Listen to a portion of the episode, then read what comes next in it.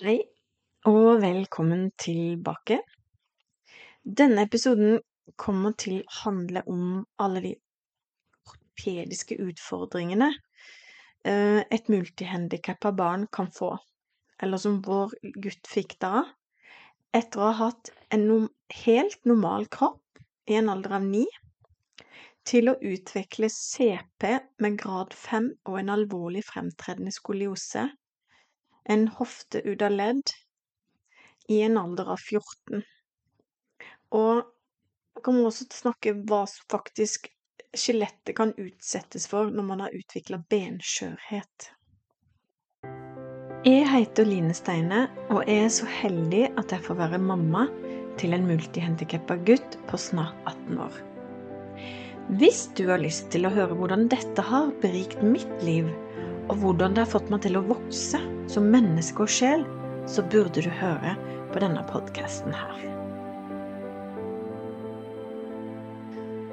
Jonathan begynte å utvikle mer og mer spissfot, spesielt på høyre fot. Det vil si at den begynte å bli vanskeligere og vanskeligere å få ned i sandalen. For Jonathan han gikk jo i NF Walker, den elektriske walkeren som sto eh, i stua og bare sto på stedet hvil, hvor den bevegte seg, og han gikk da. Dette var han avhengig av, for dette var noe han virkelig trengte, å bevege seg på denne måten. Og det fikk i gang systemet, han gjorde som regel i bleia når han sto i den. Dette var viktig for Jonathans kropp, og dette er òg viktig for skjelett og beinbygning. Når vi da begynte å få problemer med å få foten oppi sandalen, så blir det jo da litt vanskelig å stå på beina og gå i en sånn walker. Vi begynte da med Botox, som Jonathan mislikte sterkt. Han sa skikkelig ifra når han ble, fikk sprøyter i beinet, og han faktisk hylte. Nesten grein. Han har en veldig høy smerteterskel. Det ble da bestemt at Jonathan skulle gå gjennom en operasjon, sånn at de hadde mulighet for å opprettholde gangen og den aktiviteten han fikk ut av det. Den operasjonen han da skulle ha i ankelen, var en trippel artodose, kaller vi det. Det er da siste utvei for å behandle alvorlige feilstillinger. Trippel, vil si at det er tre plasser i ankelen som, som, du opererer, og så tar de inn sånne små klosser. Så det er akkurat som sånne du putter under døra for å holde døra på plass, sånne spisse, små treklosser. Dette var jo da siste utvei. Eh, og dette ble jo da bestemt eh, sånn at han kunne opprettholde normal gangfunksjon. Så i 2018 så var han inne på Rikshospitalet og opererte den foten. Eh, operasjonssåret blir da gipsa rett etter operasjonen nesten. Først en midlertidig, og så går det kanskje en uke, og så bytter du da til en gips du skal ha i seks uker. Det er fordi at det skal holdes helt i ro med gipsen, så du skal gro riktig. I mellomtiden så mista jo han da mye aktivitet. Så dette fikk han spesialskinner som skulle være på beinet da i minimum seks timer per dag. Og det var for at ikke operasjonen skulle være forgjeves, da. Så for å si det sånn, lykken var stor når han endelig begynte å gå i walker igjen, eh, og Tim kom i sin vante gang. To måneder uten aktivitet hadde gitt han mye forstoppelse. For forstoppelse kommer jo hvis man beveger seg for lite, og det kan òg komme hvis man får masse smertestillende, og det var jo akkurat det han hadde fått etter dette kirurgiske inngrepet. Og det får stopp på magen. Og så begynner jeg å legge merke til etter hvert at han henger veldig til den ene sida. Han, han, henger liksom til sida i walkeren, det ble liksom Du måtte liksom støtte han litt mer og mer opp. Jeg la at når han satt i stolen sin, så hang han mer til sida. Jeg begynte å bli litt bekymra for det her, og snakka med skolen, og de hadde merka det samme. Jeg husker jeg spurte fysioterapeuten vi hadde da i kommunen på den tida. Ja, nei, han bare klødde seg i skjegget, og nei, han visste ikke helt hva dette var. Og jeg tror at jeg spurte en del, men for å være helt ærlig så hadde jeg for lite kompetanse på å vite hva dette var.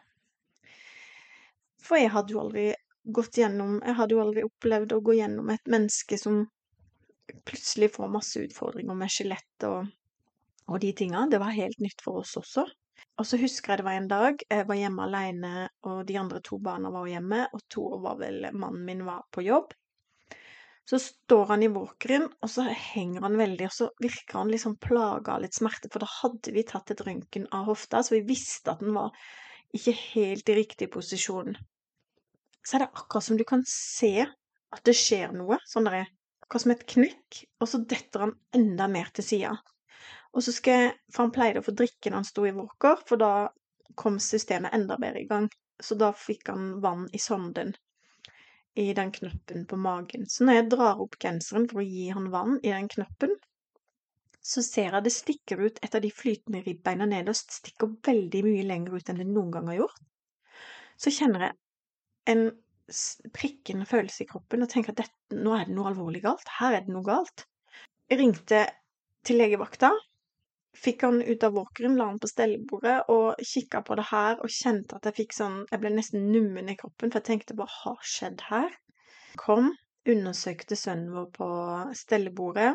Nei, han visste nå ikke helt hva dette var, men det kunne nok være noe begynnende skoliose. Og skoliose var da et veldig nytt ord for meg.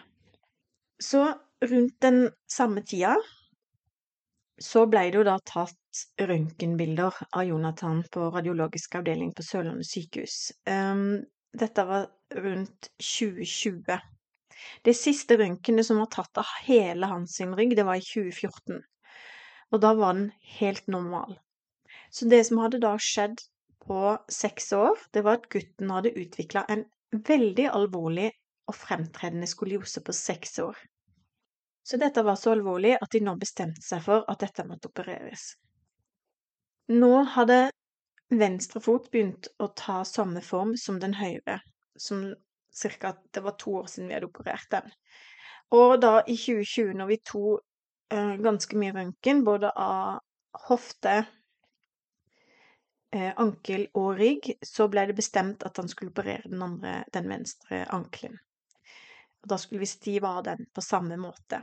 Så tidspunktet ble jo da planlagt i god tid, så vi visste når vi skulle inn og operere. På samme tidspunkt så tok de jo da røntgen av hofta, og da viste det seg at det siste røntgenet vi hadde tatt av hofta, var i 2017, så på tre år så hadde det skjedd ting med den også. Nå var den hoftekula begynt å gå ut av hoftekammen. Og da bestemte de seg for at de måtte gjøre en eh, operasjon av hofta eh, når vi skulle inn De ville gjøre det samtidig som vi skulle operere den ankelen. Når vi kom inn og skulle operere denne ankelen, så sjekka da ortopeden òg hofta, og da sier han det er dessverre for seint. Da hadde han gått et år fra vi visste at den var halvveis ut av ledd, til de, de, da var klar for å operere. Så da hadde rett, rett og slett triangulære brusken, den var lukka Sånn at da var det ikke aktuelt med ostotomi, altså operasjon. Så det eneste de da kan gjøre med den hofta nå etterpå, som han forklarte med og min mann, det at de kan utføre en smertelindrende operasjon. Da tar de altså hoftekula helt ut, og så lager de en slags beskyttelse med puter rundt. Men dette er mer en smertelindrende operasjon enn at den fungerer. Men han sa at du kunne stå oppreist med, etter du hadde tatt en sånn operasjon, og du kunne òg gå men akkurat nå så er ikke det aktuelt lenger. Så da var vi inne på Rikshospitalet på KAB3, og vi hadde planlagt dette i god tid. Gutten la i narkose. Det er jo alltid vondt når barnet ditt legges i narkose og skal gjennom mange timers operasjon. Men vi var begge to, både meg og min mann. Og besteforeldrene var hjemme og skulle passe på barna, for dette tok minst en uke.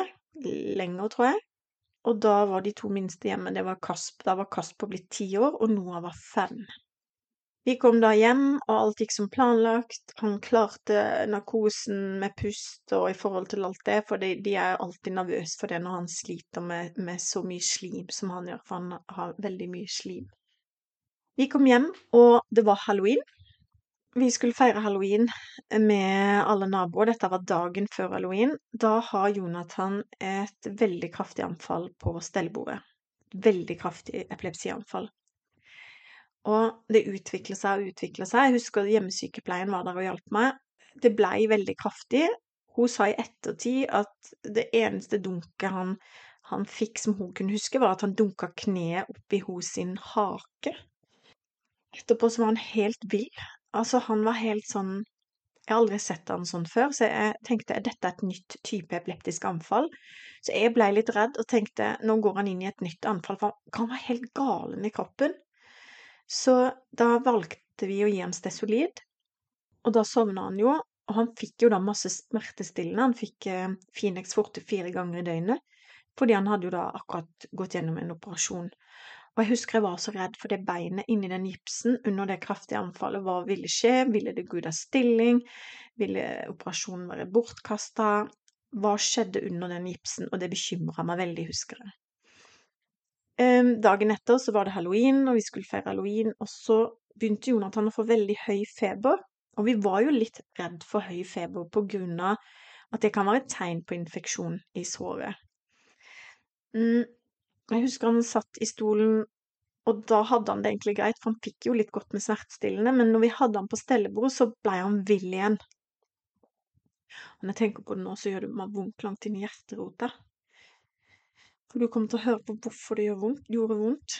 Jo, dagen etter det anfallet hadde vært, når jeg hadde gitt Stesolid, hadde vært helt gæren, så kom nattevakta og henta meg, for hun sa det er noe galt, og da grein han nesten.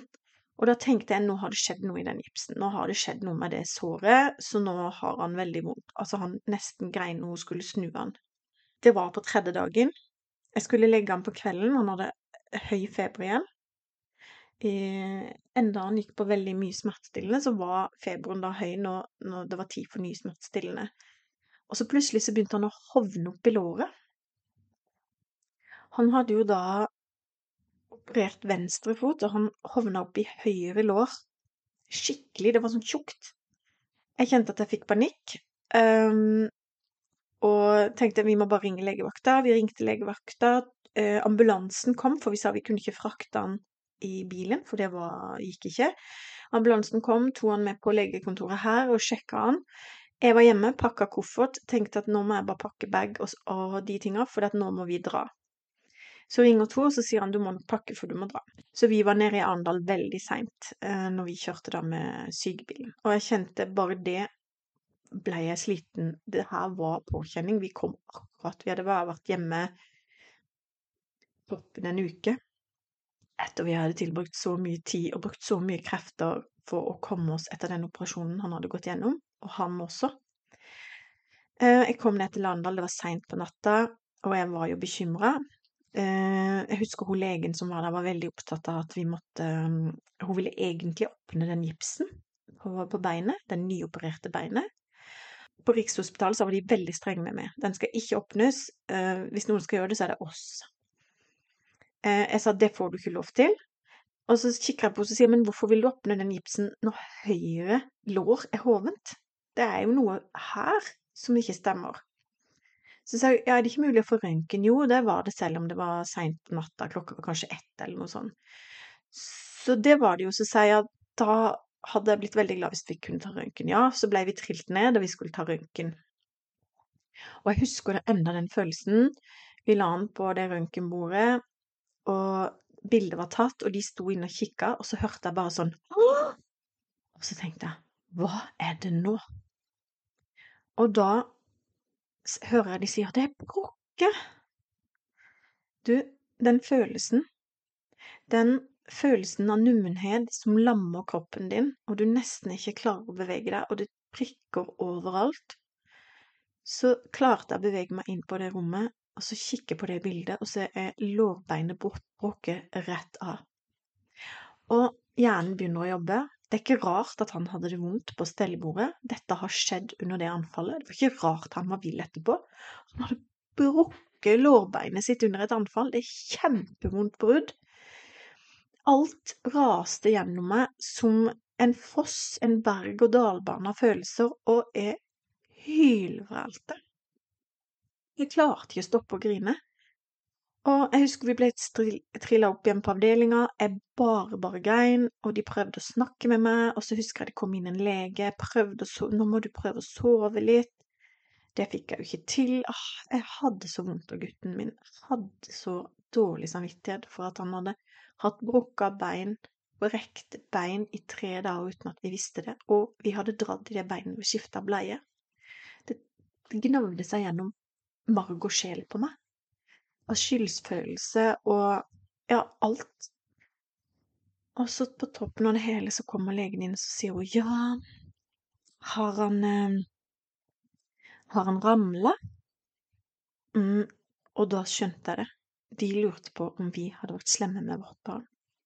Jeg jobber sjøl i barnehage, jeg har vært på masse kurs med vold i nære relasjoner. Og det er jobben deres. Men nå var plutselig jeg mor, og var under en sånn lupe. Det toppa jo den følelsen jeg allerede hadde, som var nesten uutholdelig, og så skulle den toppes med at de trodde at jeg hadde gjort barnet mitt vondt i tillegg. Det var Jeg husker jeg bare grein og grein den natta, så det endte med at nattevakten måtte komme inn og være en slags psykolog og prate med meg. Jeg var så hoven i fjeset dagen etter at jeg, jeg så nok ut som Ja, jeg vet ikke hva det så ut som, var i hvert fall ikke mye fin. Og jeg husker det kom en ny lege inn dagen etter og lurte på om eh, om han hadde dunka seg noen vei. Nei, sa han har ikke det, men han hadde et veldig, veldig kraftig anfall. Han var veldig rar etterpå, helt sprelsk og vill. Jeg tror det har skjedd under det anfallet. Og da følte jeg, da fikk, du har jo en sånn intuisjon, en magefølelse, da fikk jeg en følelse at de, de tenkte nei, eller at ikke de helt trodde meg på en måte.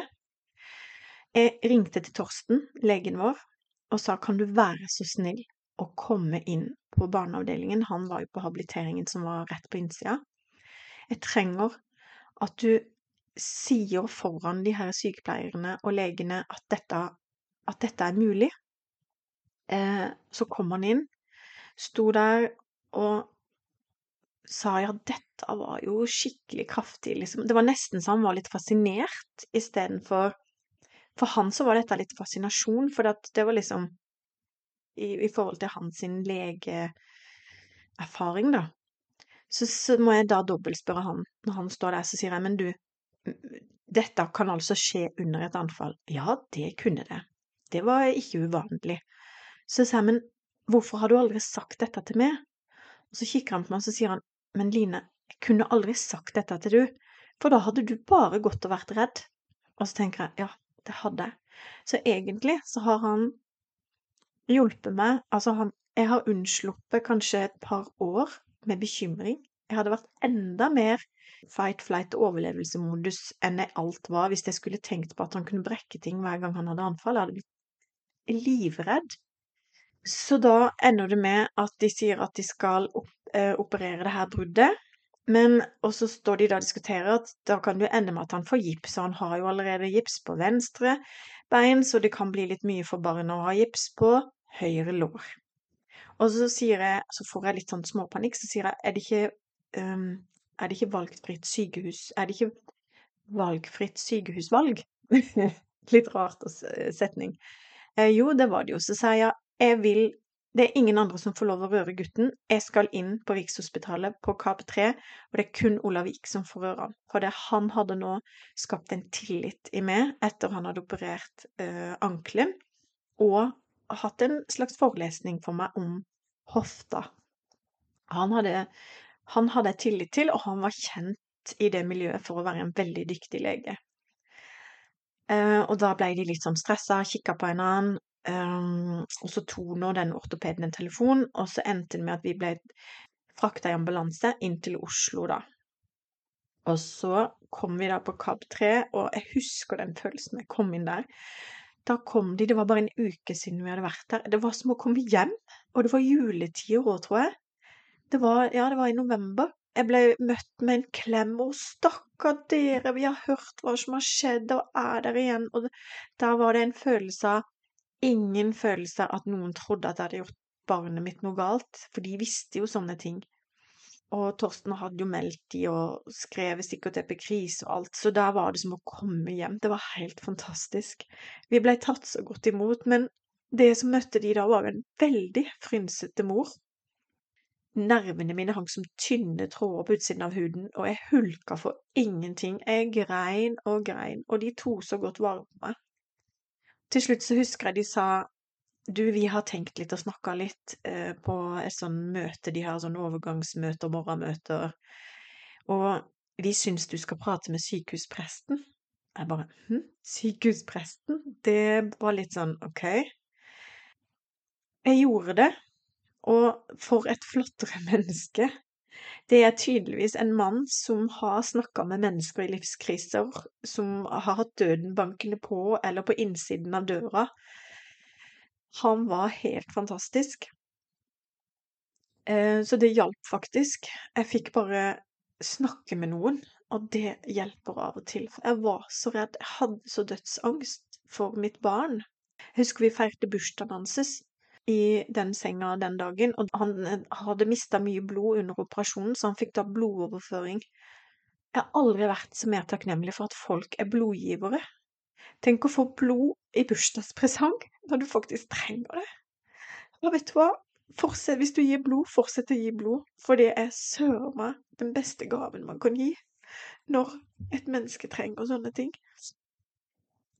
Um, vi Nå ser jeg ingenting, bare et lite vi kom da hjem fra sykehuset, og styrken og kreftene som da hadde holdt oss oppe i over 15 år, de var så tynnslitte og helt på bånn. Det føltes som jeg la under overflaten og gjemte meg for fienden og måtte puste gjennom et strå, fikk ikke luft.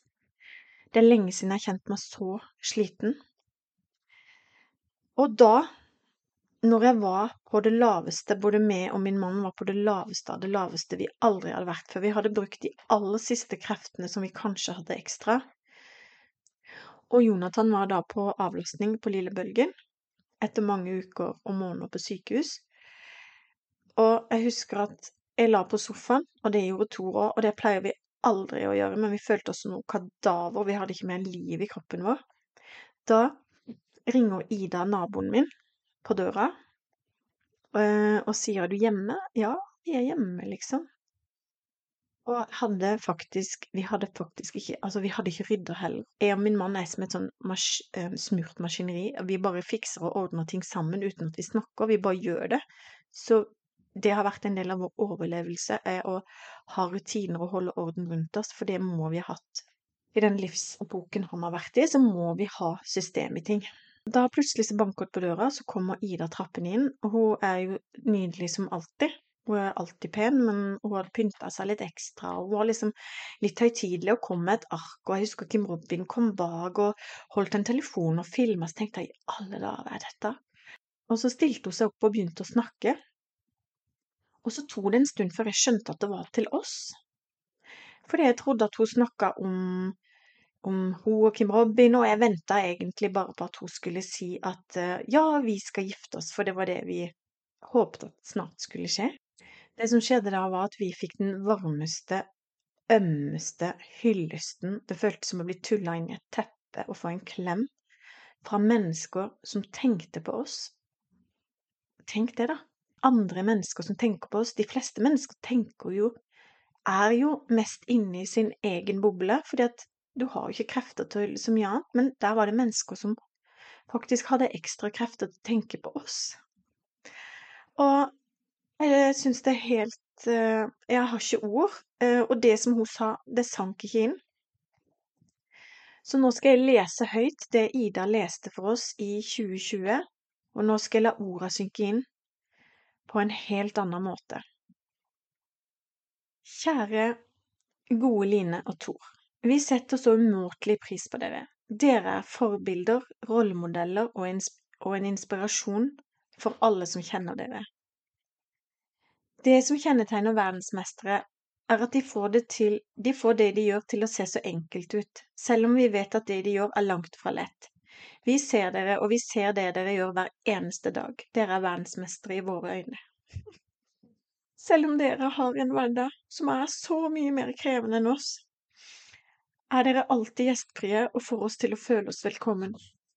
For en måned siden startet vi et hemmelig prosjekt bak ryggen deres. Det hele startet i en samtale med Helga, der vi snakket om innleggelsen Linn la ut på Face, eh, og tiden med Jonathan på sykehuset. Helga syntes vi skulle prøve å samle inn noe til en oppmerksomhet. En hemmelig Facebook-gruppe ble laget, og responsen var overveldende.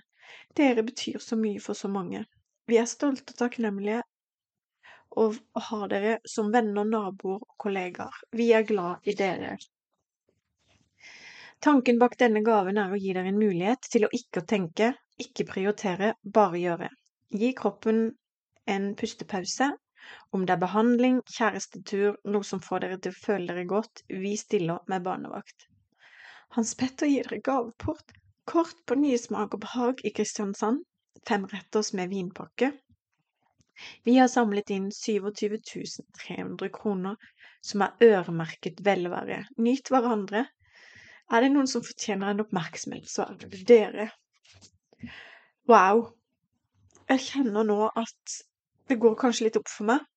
Og jeg har ikke fått takka alle disse menneskene personlig eller gitt dem en felles takk, men her kommer alle dere som var med på dette, og nå gir jeg dere en personlig.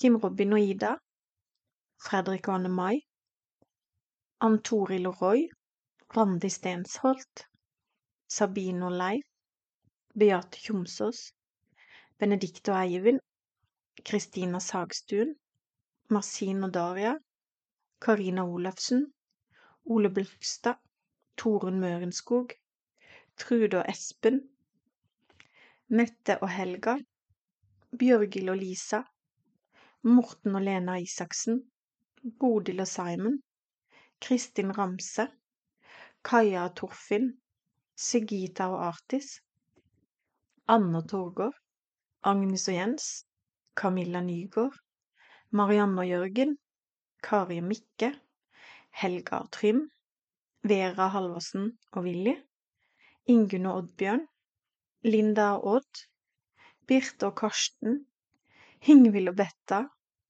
Shanya, Kari og Tobias, Ninni og Svein Olav, Victoria og Morten, Remi og Marit, Katrine Michaelsen, Kristin Næss Øie, Anette og Bjørn Kåre, Anita og Bertil, Martine Skuggestøl, Vibeke Glans, Frøydis Skogheim, Eva Lille Roy, Linn Anita, Linni Skjar, Kari og Helge, Papi og Jannike, Maren og Bjarte, Laila Kjær, Merete og Jakob, Cornelia, Anne og Jesper, Anette og André, Lars og Cecilie, Karoline Rysta, Marielle Roger, Karina Aabekk, Anita Sagbakken, Stone, Greta Peik, Karina Slott, Leif og Karina, Kari Olotor og Tor Henrik, Merete Rolf Ane, Erik Hansen, Knut Erik, Hilde og Øyvind, Solbjørg, Eldrid og Truls, Tore Jacobsen, Therese og Helge, Kenneth Fyn, Unn Hovden, Irene og Joakim, Maren og Alexander, Helene og André, Børge og Cecilia, Hans Petter og Line, Sigrid og Mats, Beate og Roar og Gry og Mats. Wow!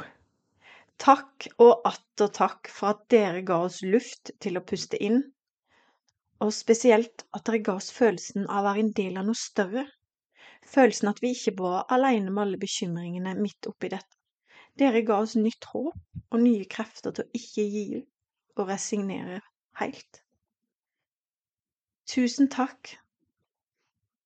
Dere var vår oksygen, og dere kom akkurat i riktig tid. Og maska ble satt på. Tusen, tusen takk.